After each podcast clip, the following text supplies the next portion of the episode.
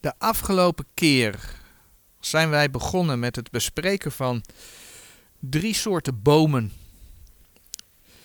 in de Bijbel die een type, die een, een gelijkenis zijn voor het volk Israël. Allereerst hebben we ook naar de Bijbelse basis van de gelijkenissen gekeken. Want vaak wordt gezegd dat gelijkenissen een, een, soort van centraal thema hebben, een centrale betekenis. Ja, dan maakt het er eigenlijk niet zoveel uit wat je er dan van maakt. Maar we hebben gezien dat gelijkenissen veel meer zijn. De Heer Jezus die laat uh, in een aantal gelijkenissen zien dat alle onderdelen van een gelijkenis een hele specifieke betekenis hebben. En doordat die gelijkenis, doordat die onderdelen een hele specifieke, duidelijke betekenis krijgen, zie je dat de gelijkenissen zelf ook een hele duidelijke en vaak ook profetische betekenis hebben. Een betekenis die vast en zeker is. Zo hebben we stilgestaan bij de gelijkenis van de boze wijngaardeniers. En we zagen dat de Heer alles voor zijn volk over had gehad. Maar dat zijn volk, ondanks dat, de dienstknechten van de Heer, de profeten, maar ook de zoon van de vader, dat ze die verwierpen. We zagen dat de gelijkenis zowel naar de eerste komst van de Heer Jezus verwijst, hè, naar de overpriesters, naar de schriftgeleerden, die zich aan hem stoten, waardoor de wijngaard opnieuw verwoest is geworden. We hebben het uh, dan over de verwoesting van Jeruzalem in 70 na Christus. Maar we hebben ook gezien dat die gelijkenis vooruitwijst naar de tweede komst van de Heer Jezus. Naar hetgeen waar ook de profeet Daniel over spreekt, naar de steen die zonder handen afgehouden wordt. En die alle koninkrijken, alle aardse koninkrijken zal vermorselen. En dat dan het koninkrijk van de Heer de hele aarde zal gaan vervullen. En in de tussentijd hebben we gezien dat de wijngaard verwoest is. En dat het koninkrijk Gods aan anderen gegeven werd. En we zagen hier in de verwijzing naar het ontstaan van de gemeente. Dus door Israëls val hebben wij als gemeente nu die hele speciale positie als bruid van Christus gekregen. Ook weer heel bijzonder als je daarover nadenkt. Hoe de Heer dat leidt. Over de verwoesting van de wijngaard valt nog veel meer te zeggen. Dat gaan we nu niet doen. Waarschijnlijk een andere keer. En de vorige keer noemde ik al even dat Israël als volk ook belofte van herstel heeft gekregen. En deels zullen we daar vandaag bij stilstaan. En dan door middel van het feit dat de Bijbel Israël ook vergelijkt met een vijgenboom. Dus de vorige keer met name stilgestaan bij de wijnstok, de wijngaard. En vandaag willen we dan kijken naar de vijgenboom.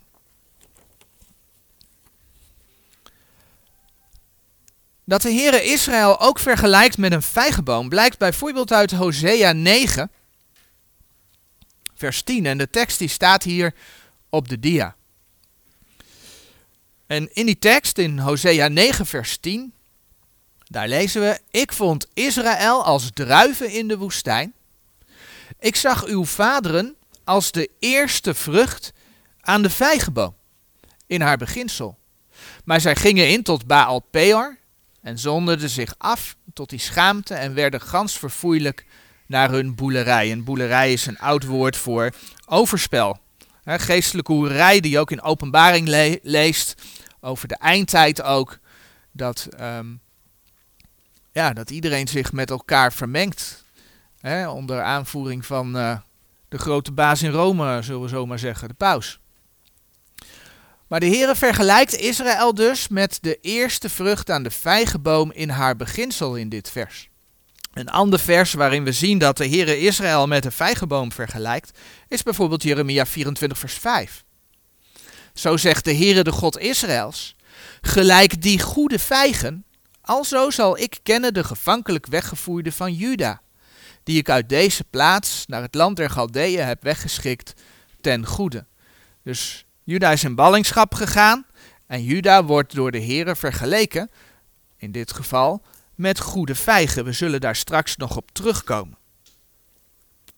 Niet alleen de wijngaard en de wijnstok staan voor Israël als land en volk, maar ook de vijgenboom staat in Gods woord als beeld voor Israël.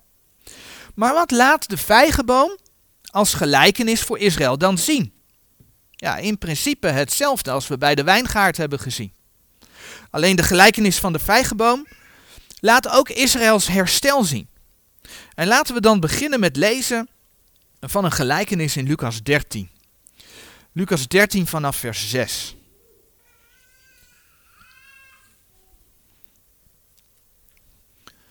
Lucas 13 vanaf vers 6. En er staat hierboven de onvruchtbare vijgenboom. En hij zeide deze gelijkenis. Een zeker man had een vijgenboom, geplant in zijn wijngaard. En hij kwam en zocht vrucht daarop en vond ze niet. En hij zeide tot de wijngaardenier, zie ik kom nu drie jaren zoekende vrucht op deze vijgenboom en vindt ze niet. Hou hem uit. Waartoe beslaat hij ook onnuttelijk de aarde? En hij antwoordende zeide tot hem, Heere, laat hem ook nog dit jaar, totdat ik om hem gegraven en mest gelegd zal hebben. En indien hij vrucht zal voortbrengen, laat hem staan, maar indien niet, zo zult gij hem namaals uithouden. Allereerst is het goed om vast te houden dat de Heer Jezus deze gelijkenis vertelt ruim voor de intocht in Jeruzalem en de reiniging van de tempel, waarvan je kunt lezen in Lucas 19 vers 28 tot en met 48. Pas daarna, pas na de, uh, de intocht in Jeruzalem, vertelt de Heer uiteindelijk over de uitspruitende vijgenboom. Zullen we straks nog naar kijken. En dat is de gelijkenis over Israëls herstel. En dan laat uh, bijvoorbeeld Marcus zien dat er tussen de intocht en de gelijkenis over Israëls herstel eerst nog wat anders gebeurt. Eerst wordt er nog gesproken over de vervloeking van de vijgenboom en het feit dat de vijgenboom verdort. Maar eerst die gelijkenis in Lucas 13 over de onvruchtbare vijgenboom. Zelfs hier in de context van Lucas 13 dus, daar zien we dat het om Israël en Jeruzalem gaat. Kijk maar in vers 4 en 5. Als we vers 4 en 5 van Lucas 13 lezen, dan, dan zien we daar staan. Of die 18 op welke de toren in Siloam viel en doodde hen, meent gij dat deze schuldenaars zijn geweest boven alle mensen die in Jeruzalem wonen? Ik zeg u, nee, zij, maar indien gij u niet bekeert, zo zult gij allen insgelijks vergaan. En daarna volgt dus de gelijkenis van de onvruchtbare vijgenboom. Het mooie is dat we ook hier zien dat die vijgenboom staat in de wijngaard. En zoals we zagen staat de wijngaard voor het land Israël. De wijngaard is van de Here. De Here is de eigenaar. Daar hebben we de vorige keer ook bij stilgestaan. Hè? Bijvoorbeeld uh, Jezaja 5 vers 7. Maar in deze gelijkenis is er geen sprake van boze landlieden. Geen sprake van dienstknechten die komen. Maar wel sprake van een wijngaardenier. Een wijngaardenier die goed is. Voor de vijgenboom hij graaft en bemest. Wie is hier de wijngaardenier? De Heer Jezus die kwam naar de aarde om mensen te behouden. In Johannes 3, vers 17 lezen we. Want God heeft zijn zoon niet gezonden in de wereld, opdat hij de wereld veroordelen zou, maar opdat de wereld door hem zou behouden worden. Deze tekst gaat heel duidelijk over de eerste komst van de Heer Jezus. Dat hij toen niet kwam om de wereld te veroordelen. Betekent natuurlijk niet dat dat in de toekomst niet alsnog gaat gebeuren. Integendeel. De Bijbel laat juist zien dat door de Heer Jezus de wereld geoordeeld gaat worden. In Johannes 5, vers 22 lezen we bijvoorbeeld: Want ook de Vader oordeelt niemand, maar heeft al het oordeel de Zoon gegeven. En dat zijn allemaal dingen die te maken hebben met zijn tweede komst, dus niet met zijn eerste komst. Dan kun je denken aan de grote verdrukking die nog gaat komen. Je kunt denken aan het laatste oordeel. Andere teksten waar je ziet dat de Heer Jezus het oordeel gegeven is. Handelingen 10 vers 42, 17 vers 31, Romeinen 2 vers 16. Dat gaat nog gebeuren. Maar zijn eerste komst stond dus in het teken van de redding van mensen. En in de eerste plaats kwam hij voor de zijne, voor zijn volk Israël. Hè? Zoals je bijvoorbeeld in Johannes 1, vers 11 leest. Hij is gekomen tot het zijne. En de zijne hebben hem niet aangenomen. Maar hij kwam in de eerste plaats voor de zijne. Om het zijne te redden. De wijngaardenier staat voor de Heer Jezus. Zoals de wijngaardenier pleitte voor de vijgenboom, zo kwam de Heer Jezus voor de zijne. En zijn rondwandeling op aarde, de tijd dat hij zijn boodschap bracht, was ook 3,5 jaar. En dat past heel mooi ook bij deze gelijkenis. In Lucas 13, vers 7, daar lezen we. En hij zeide tot de wijngaardenier, zie, ik kom nu drie jaren zoekende vrucht op deze vijgenboom en vind ze niet. Hou hem uit, waartoe beslaat hij ook onnuttelijk de aarde. Na drie jaar bracht de natie Israël nog geen vrucht voor de Heere God. En dan zien we dat de Heere het volk nog steeds de ruimte blijft geven voor bekering. In vers 8 en 9 hebben we gelezen. En hij antwoordende zeide tot hem, Heere, laat hem ook nog dit jaar, totdat ik om hem gegraven en mest gelegd zal hebben. Hak hem nog niet om. Laat hem nog dit jaar staan. Ik ga eromheen graven, ik ga mest geven, zegt de wijngaardenier. En indien hij vrucht zal voortbrengen, laat hem staan, maar indien niet, zo zult gij hem namaals uithouden. Het einde is hier dus in feite nog open. Maar dan begrijpen we waarom de Heere in Marcus 11, vers 12 tot en met 14 de vijgenboom vervloekt.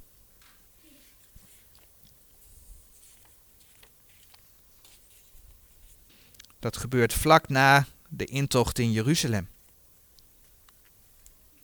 Ook in het laatste half jaar van zijn bediening, de bediening van de Heer Jezus, neemt Israël de Heer niet aan.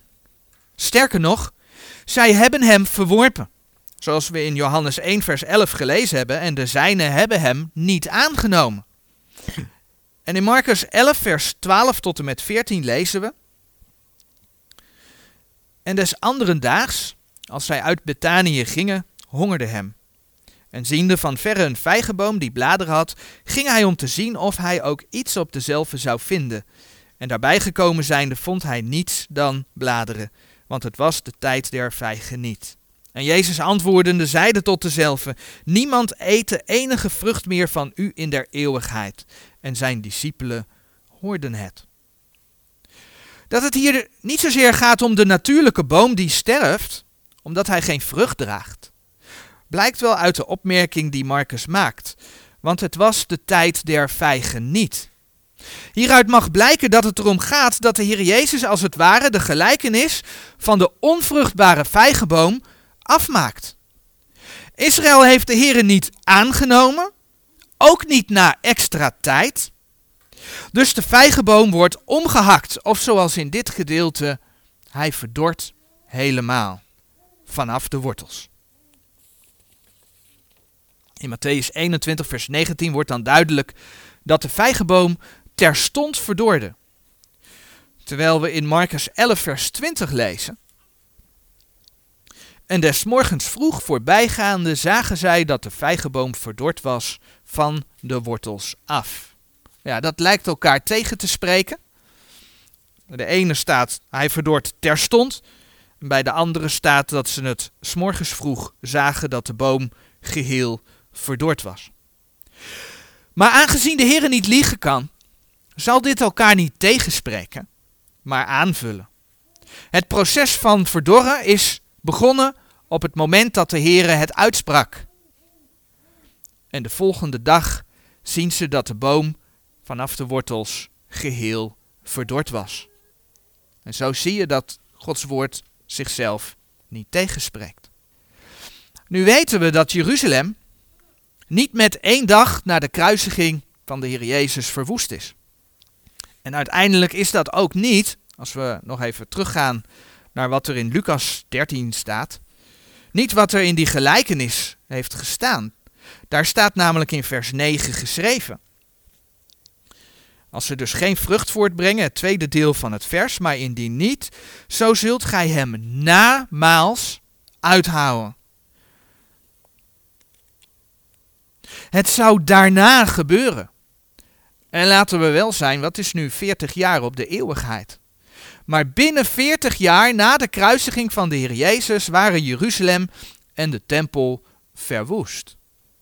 En werd het volk Israël opnieuw verstrooid onder de volken. De Heere heeft geduld. Soms wacht hij. Net zoals bij de vijgenboom. Die vijgenboom zou nog even blijven staan. Maar ondanks de verwerping van de Messias duurt het nog tot 70 na Christus voordat de toren van de Heere zich uitstort over Jeruzalem. En nee, niet de toren van de Heere in de grote verdrukking. Maar wel het feit dat de vijgenboom omgehakt zou worden. In zijn geheel, vanaf de wortels. En zou verdorren. En dat zien we vaker in Gods woord. Laten we naar twee koningen bladeren. Bijvoorbeeld bij koning Manasse. In twee koningen komen we, hoofdstuk 21, komen we koning Manasse tegen.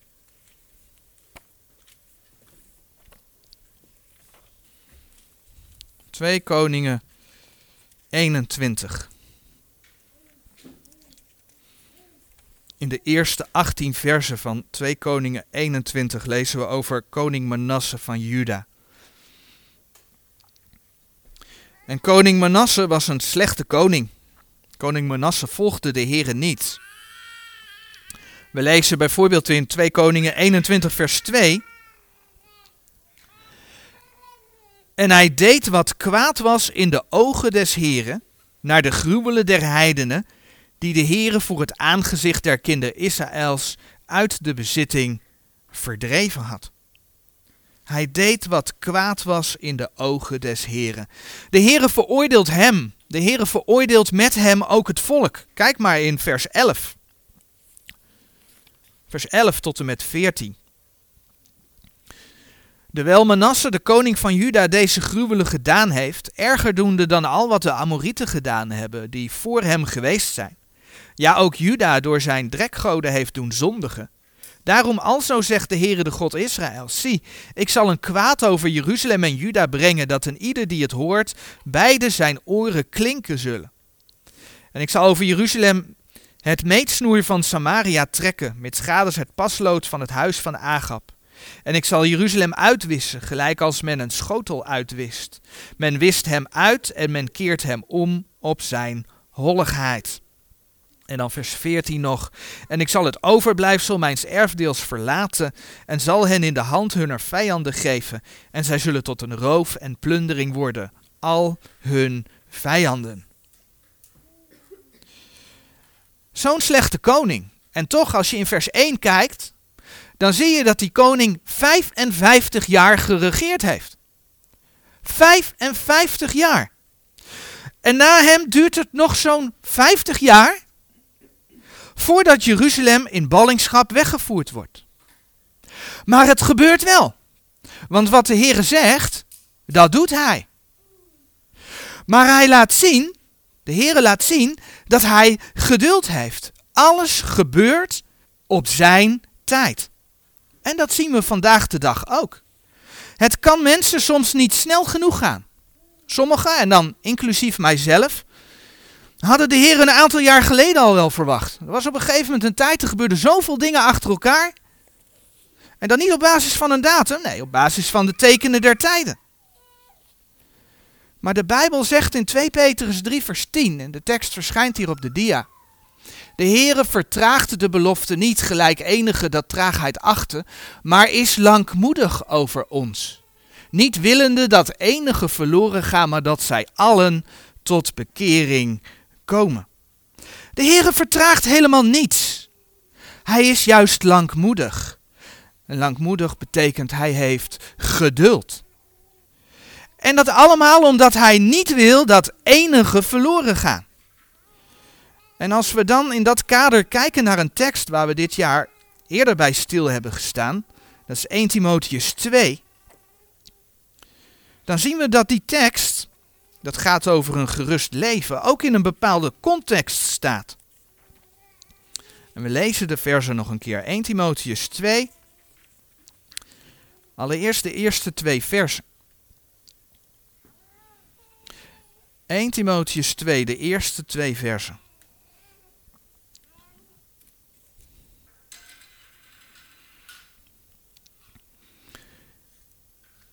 Ik vermaan dan voor alle dingen dat gedaan worden smekingen, gebeden, voorbiddingen, dankzeggingen voor alle mensen.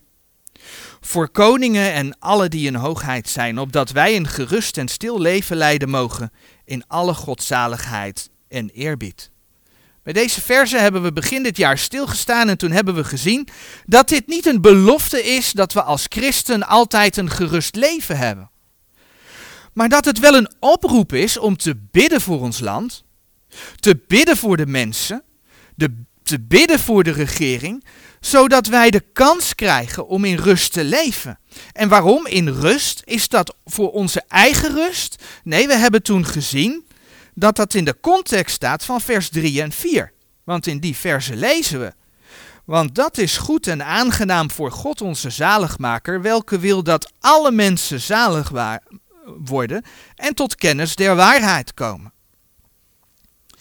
Wanneer wij een gerust leven hebben, kunnen wij ons gezant zijn van Christus in de praktijk brengen en mensen toeroepen, 2 Korinthe 5 vers 20, laat u met God verzoenen. Want de Heere wil dat alle mensen zalig worden en tot kennis der waarheid komen. De Heere heeft dus geduld. Zo werd in 70 na Christus duidelijk dat de wijngaard verwoest werd.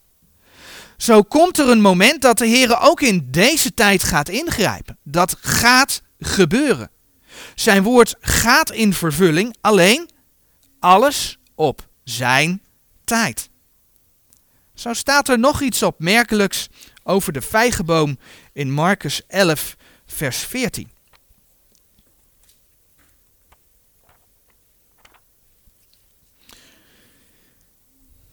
In Marcus 11, vers 14, daar staat: Niemand eet de enige vrucht meer van u in der eeuwigheid.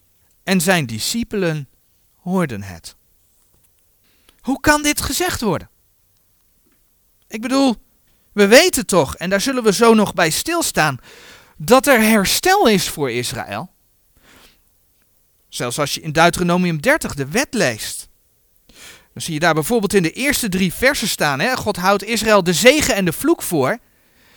Dat nadat Israël de Here verworpen heeft en de vloeken heeft gekregen, dat als ze zich bekeren, dat er herstel is.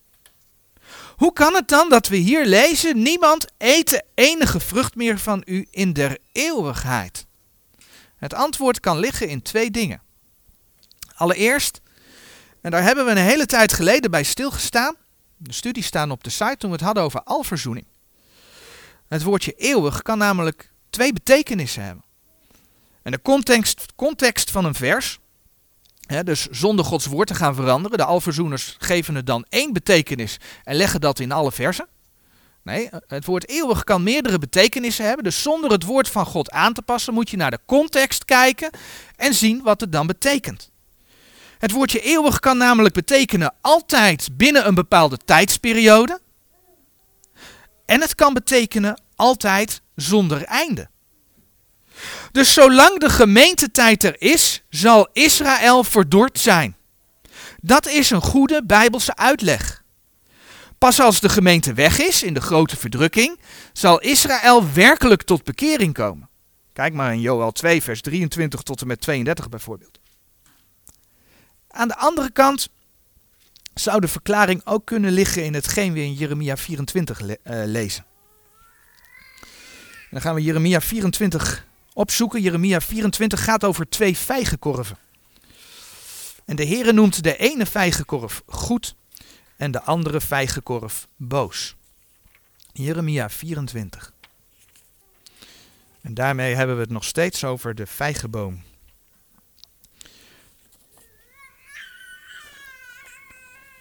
In Jeremia 24, vers 2, daar lezen we.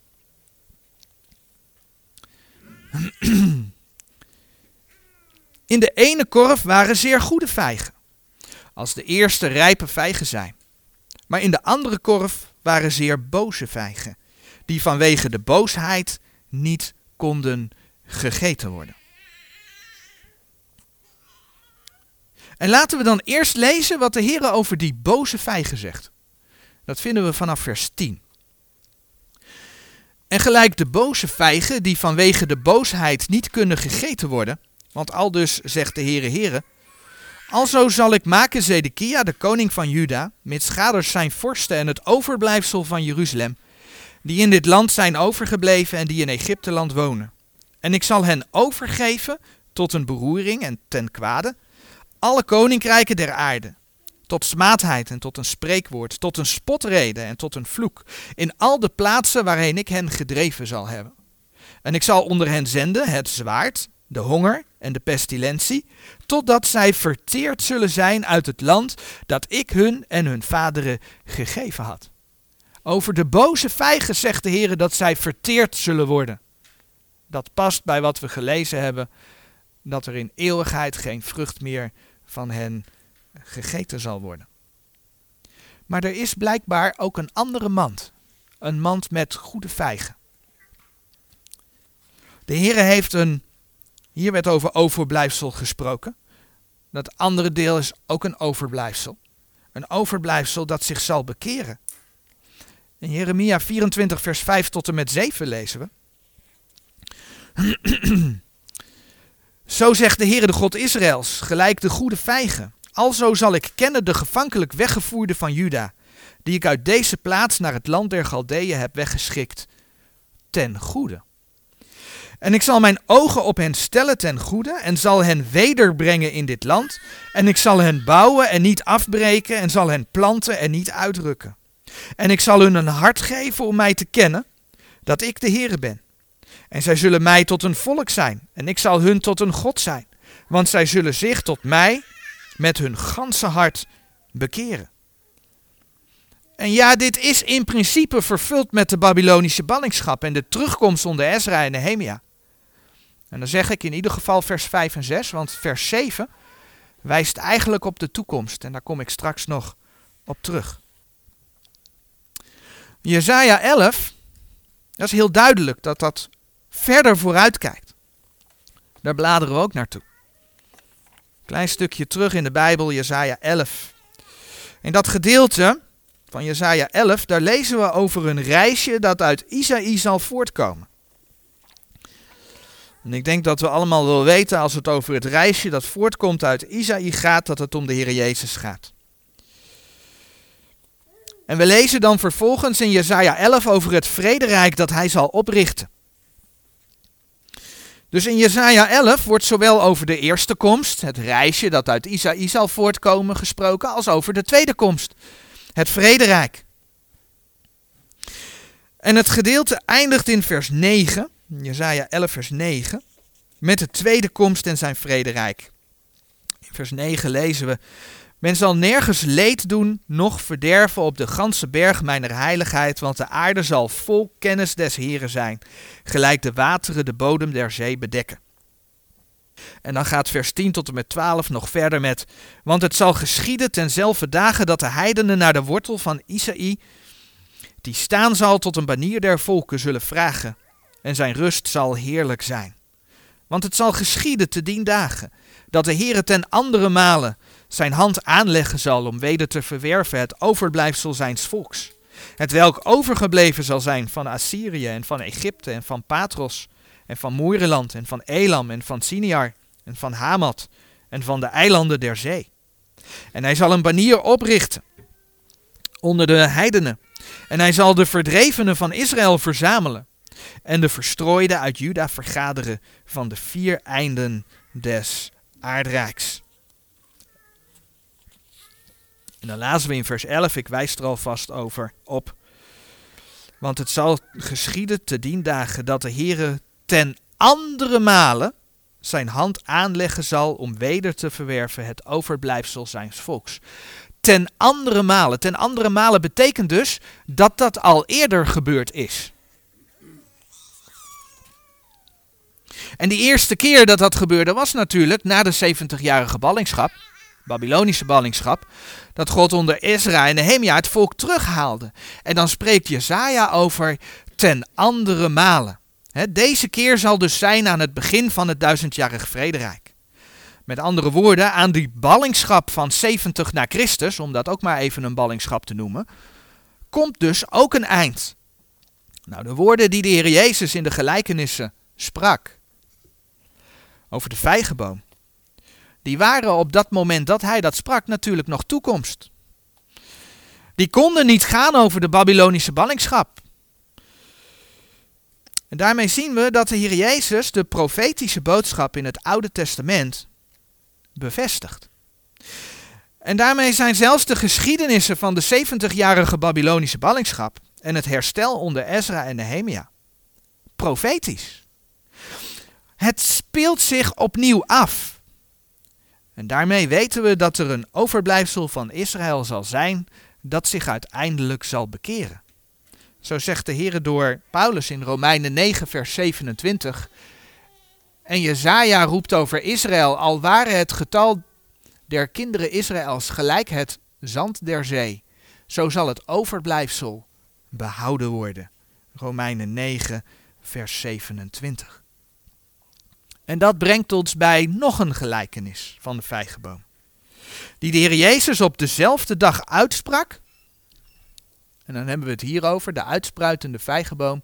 Op dezelfde dag uitsprak als waarop de discipelen zagen dat de vijgenboom geheel verdord was.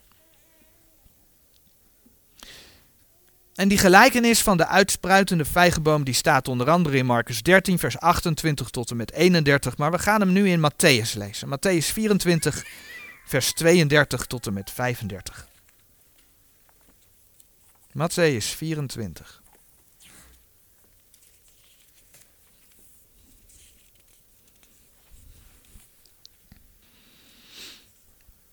Vanaf vers 32 en leert van de vijgenboom deze gelijkenis. Wanneer zijn tak nu teer wordt en de bladeren uitspruiten, zo weet gij dat de zomer nabij is. Als ook gij lieden, wanneer gij al deze dingen zult zien, zo weet dat het nabij is voor de deur. Voorwaar ik zeg u, dit geslacht zal geen zins voorbij gaan, totdat al deze dingen zullen geschied zijn. De hemel en de aarde zullen voorbij gaan, maar mijn woorden zullen geen zins voorbij gaan.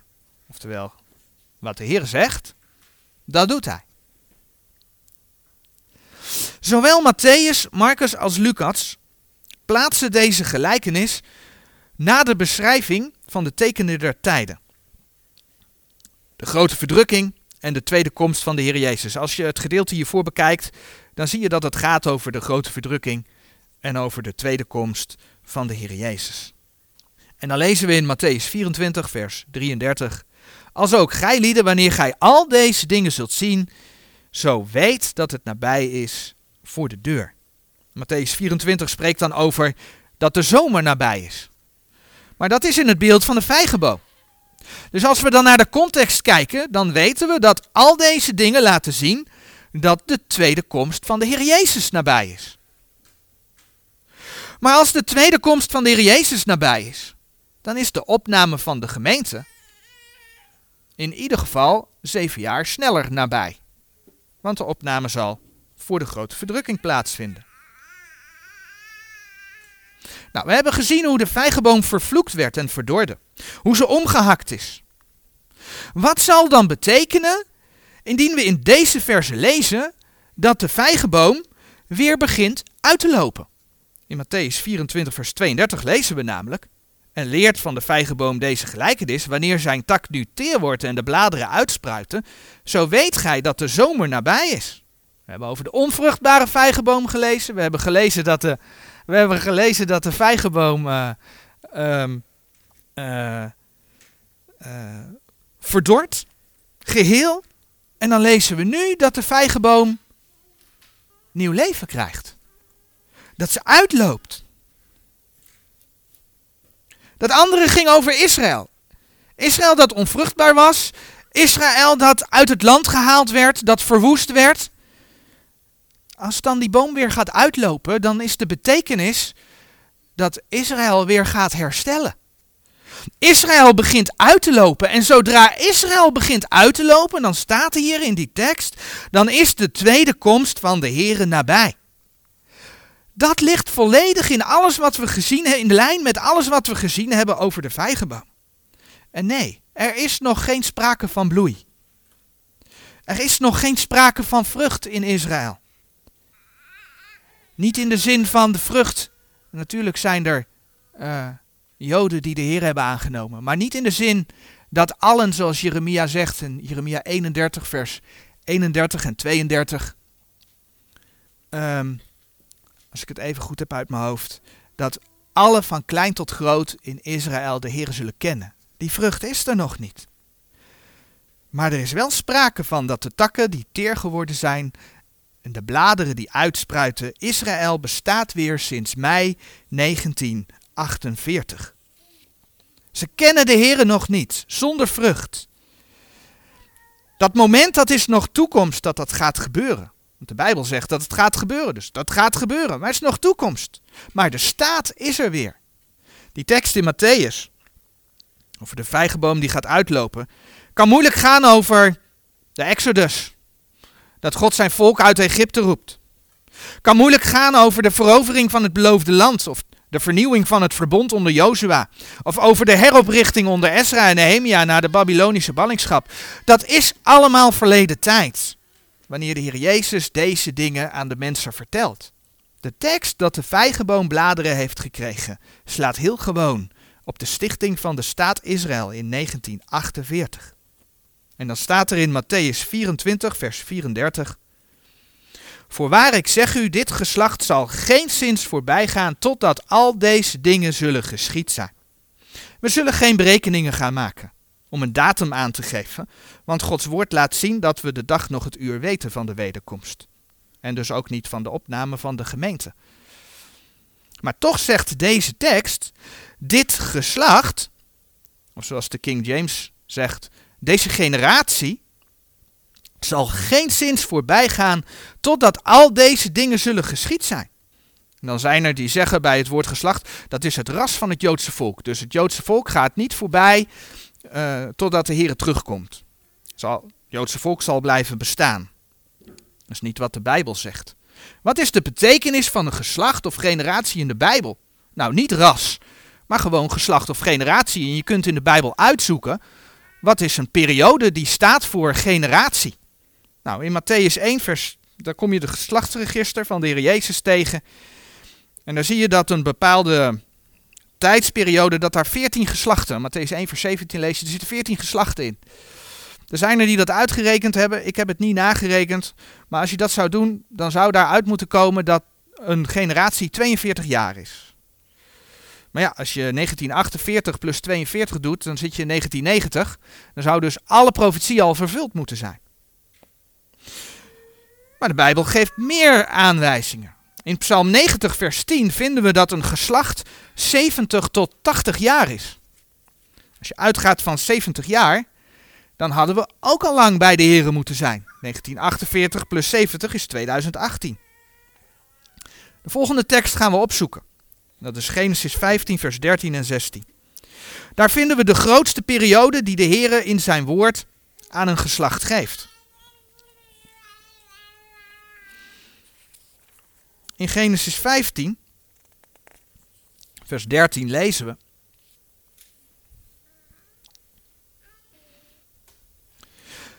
Toen zeide hij tot Abraham: Weet voorzeker dat uw zaad vreemd zal zijn in een land dat hun lieder niet is. En zij zullen hen dienen en zij zullen hen verdrukken 400 jaar. Dit gaat dus over de periode dat Israël in Egypte zal zijn. 400 jaar. En dan moet je kijken wat er in vers 16 staat. En het vierde geslacht zal herwaarts wederkeren. Vier geslachten in 400 jaar. Oftewel, een geslacht in de Bijbel kan, dat is de grootste die ik gevonden heb, staan voor 100 jaar. Als je dan kijkt naar wat er al is geweest, dan kun je dus nu zeggen dat een geslacht in de Bijbel 80 tot 100 jaar zal zijn. kan dus enigszins variëren. Maar we hebben het over die periode. En dat is dus wel degelijk een tijdsaanduiding die Gods woord geeft. Zij het vaag, want nogmaals, de dag, nog het uur, weten we niet. Maar wel enigszins het tijdsbestek waarin alle dingen vervuld zullen worden. Het gaat geen generaties meer duren op deze aarde, want binnen één generatie, vanaf de stichting van de staat Israël, zal alles wat de Heer over zijn tweede komst zegt, staat er in Matthäus 24, in Lucas 21 en in Marcus 13, alles in vervulling gaan. En de dingen die zich rond Israël afspelen zijn dus een teken van de tijd. En vervullen ons, uh, vertellen ons dat de tweede komst van onze Heer Jezus Christus nabij is. En als zijn tweede komst nabij is, halen we de zeven jaar af. En we weten geen jaartal, maar dan weten we dat dat zeven jaar dichterbij is. De opname van de gemeente. Nou, dat in de eindtijd alles zal draaien om Israël en Jeruzalem. Ja, dat blijkt uit de profeten. En als voorbeeld wil ik dan Zacharia 12 erbij pakken. De profeet Zacharia bijna aan het einde van het Oude Testament. Hoofdstuk 12. Vers 2. Zie, ik zal Jeruzalem stellen tot een drinkschaal der zwijmeling, alle volken rondom. Ja, ook zal zij zijn over Juda in de belegering tegen Jeruzalem. En het zal te dien dagen geschieden dat ik Jeruzalem stellen zal als een lastige steen alle volken. Alle die zich daarmede beladen zullen gewisselijk doorsneden worden. En al de volken der aarde zullen zich tegen haar verzamelen. In het nieuws van alle dag mag duidelijk zijn dat men Israël het bestaan eigenlijk niet gunt. Maar de God van de Bijbel, de God van de schepping, bestuurt de geschiedenis en bestuurt het bestaan van Israël. En als God zegt dat die vijgenboom onvruchtbaar is, dat hij daarom omgehakt wordt of verdord, maar dat hij ook weer zal herleven, dan gebeurt dat. Israël is er weer. Maar, ook al genoemd, Israël bloeit nog niet. Het volk moet nog tot geloof komen. En ook dat zal gaan gebeuren. Alleen dat gaan wij als gemeente op deze aarde niet meemaken. De Heer die laat in zijn woord namelijk zien dat, zijn volk, dat hij zijn volk eerst gaat terugbrengen in het land. En pas als het volk is teruggekomen, dan zal dat volk tot geloof gaan komen. En eigenlijk hebben we daar vanmorgen al over gelezen. En dan bladeren we terug naar Jeremia 24.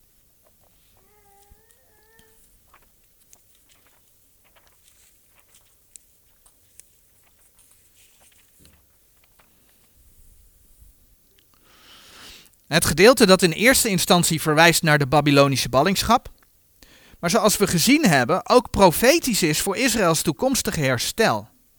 En ook dat blijkt uit dat gedeelte, want het teruggekeerde Israël onder Ezra en Nehemia heeft uiteindelijk de Here verworpen. Terwijl hier geschreven staat, en ik lees de versen 5 tot en met 7 opnieuw voor. Zo zegt de Heere de God Israëls, gelijk die goede vijgen, alzo zal ik kennen de gevankelijk weggevoerde van Juda, die ik uit deze plaats naar het land der Galdeeën heb weggeschikt ten goede. En ik zal mijn ogen op hen stellen ten goede, en zal hen wederbrengen in dit land. En ik zal hen bouwen en niet afbreken, en zal hen planten en niet uitdrukken. En ik zal hun een hart geven om mij te kennen, dat ik de Heere ben. En zij zullen mij tot een volk zijn, en ik zal hun tot een God zijn. Want zij zullen zich tot mij met hun ganse hart bekeren. Eerst komt Israël terug, dan zal het tot bloei komen. Dan zal het de Heere kennen. Dan bloeit de vijgenboom dan gaat de vijgenboom ook vrucht geven. En ook dat vinden we in Gods woord. Als we naar Hooglied bladeren. Voor het boek Jezaja vinden we het boek Hooglied. En dan zoeken we Hooglied 2 op. Hooglied is een mooie profetische beschrijving van de bruiloft van het lam.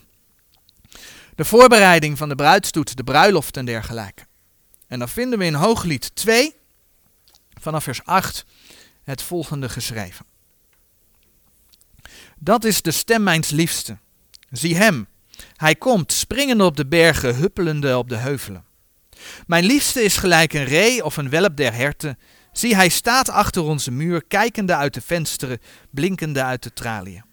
Mijn liefste antwoordt en zegt tot mij: Sta op, mijn vriendin, mijn schone, en kom. Want zie, de winter is voorbij, de plasregen is over, hij is overgegaan. De bloemen worden gezien in het land, de zangtijd genaakt en de stem der tortelduif wordt gehoord in ons land.